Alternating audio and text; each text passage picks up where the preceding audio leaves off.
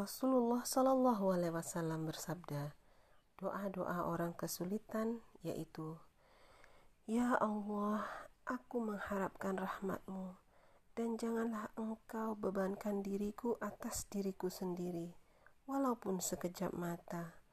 Perbaikilah segala urusanku, tiada Tuhan yang berhak disembah kecuali engkau.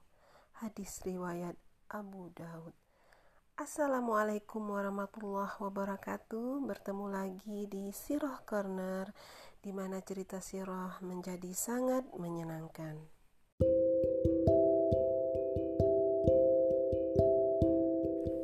Bani Israel Ketika Allah Subhanahu wa Ta'ala memberi kekurangan kepada seseorang, pasti Dia memberi juga kelebihan. Ada orang yang tak cantik tetapi pandai, ada orang miskin tetapi berakhlak baik. Laya adalah istri Yakub yang berwajah tidak cantik, penglihatannya juga terbatas. Namun Allah Subhanahu wa taala memberinya kelebihan banyak keturunan. Sementara itu Rahil yang cantik jelita memiliki seorang pun keturunan. Hatinya sedih sekali. Apalagi ketika kedua pelayan wanita yang dinikahi Yakub yaitu Zulfa dan Barha juga mempunyai anak. Hati Rahil bertambah perih. Malang benar nasibku, bisik Rahil sedih apalagi ketika melihat saudara dan istri-istri Yakub yang lain. Semua tampak bahagia bermain dengan anak mereka, sedang dirinya masih sendiri saja. Balha melahirkan dua anak laki-laki, yaitu Dan dan Niyatali, sedangkan Zulfa melahirkan Jad dan Usyair. Setelah itu, Laya melahirkan anak kelima, yaitu Asakar, selanjutnya lahir Zabilun. Disusul seorang anak perempuan bernama Dina. Jadi Laya telah memiliki tujuh orang anak. Duhai pelan rahim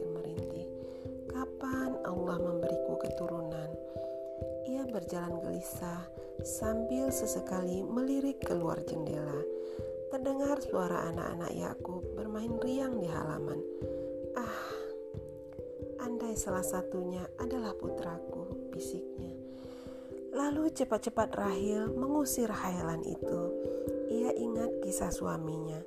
Dahulu neneknya Sarah memiliki putra setelah berusia 90 tahun. Lalu ibunya Rifka yang juga baru mendapatkan putra setelah puluhan tahun menunggu. Allah sedang menguji kesabaranku, bisik Rahil. Ia benar-benar menguatkan diri agar tidak putus asa dan berhenti berdoa. Rahil pun kemudian memperbanyak doa dan ibadah kepada Allah Subhanahu wa taala ia terus berdoa, menambah keyakinan Allah pasti akan mengabulkan keinginannya. Ia hanya harus menunggu, sabar, dan yakin. Hingga suatu hari datanglah kebahagiaan untuk Rahil. Ia mengandung. Rahil menyambut kehamilannya itu dengan sukacita. Begitu juga dengan Yakub.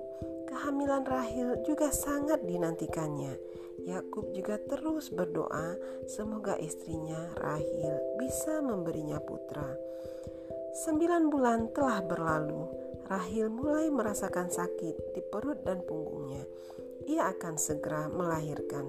Beberapa pelayan membantunya. Yakub gelisah menunggu kelahiran putranya. Dari rahim Rahil lahirlah seorang putra. Wajahnya sangat tampan bersinar bak purnama.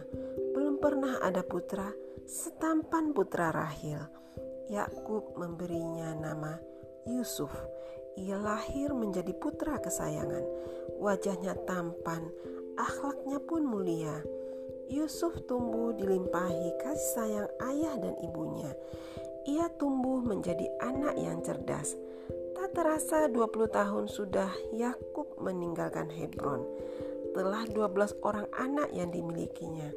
Kelak dari anak-anak Yakub inilah berkembang kabilah-kabilah Bani Israel. Dari mereka lahir nabi-nabi berikutnya hingga Nabi Isa alaihissalam. Kini Yakub sudah tak kuat menahan rindu kepada orang tua dan kampungnya. Ia ingin sekali pulang. Apakah Laban akan mengizinkan Yakub pulang ke Hebron? Maukah Ais memaafkan adiknya? Nah, sahabat pecinta sirah, tunggu di episode berikutnya.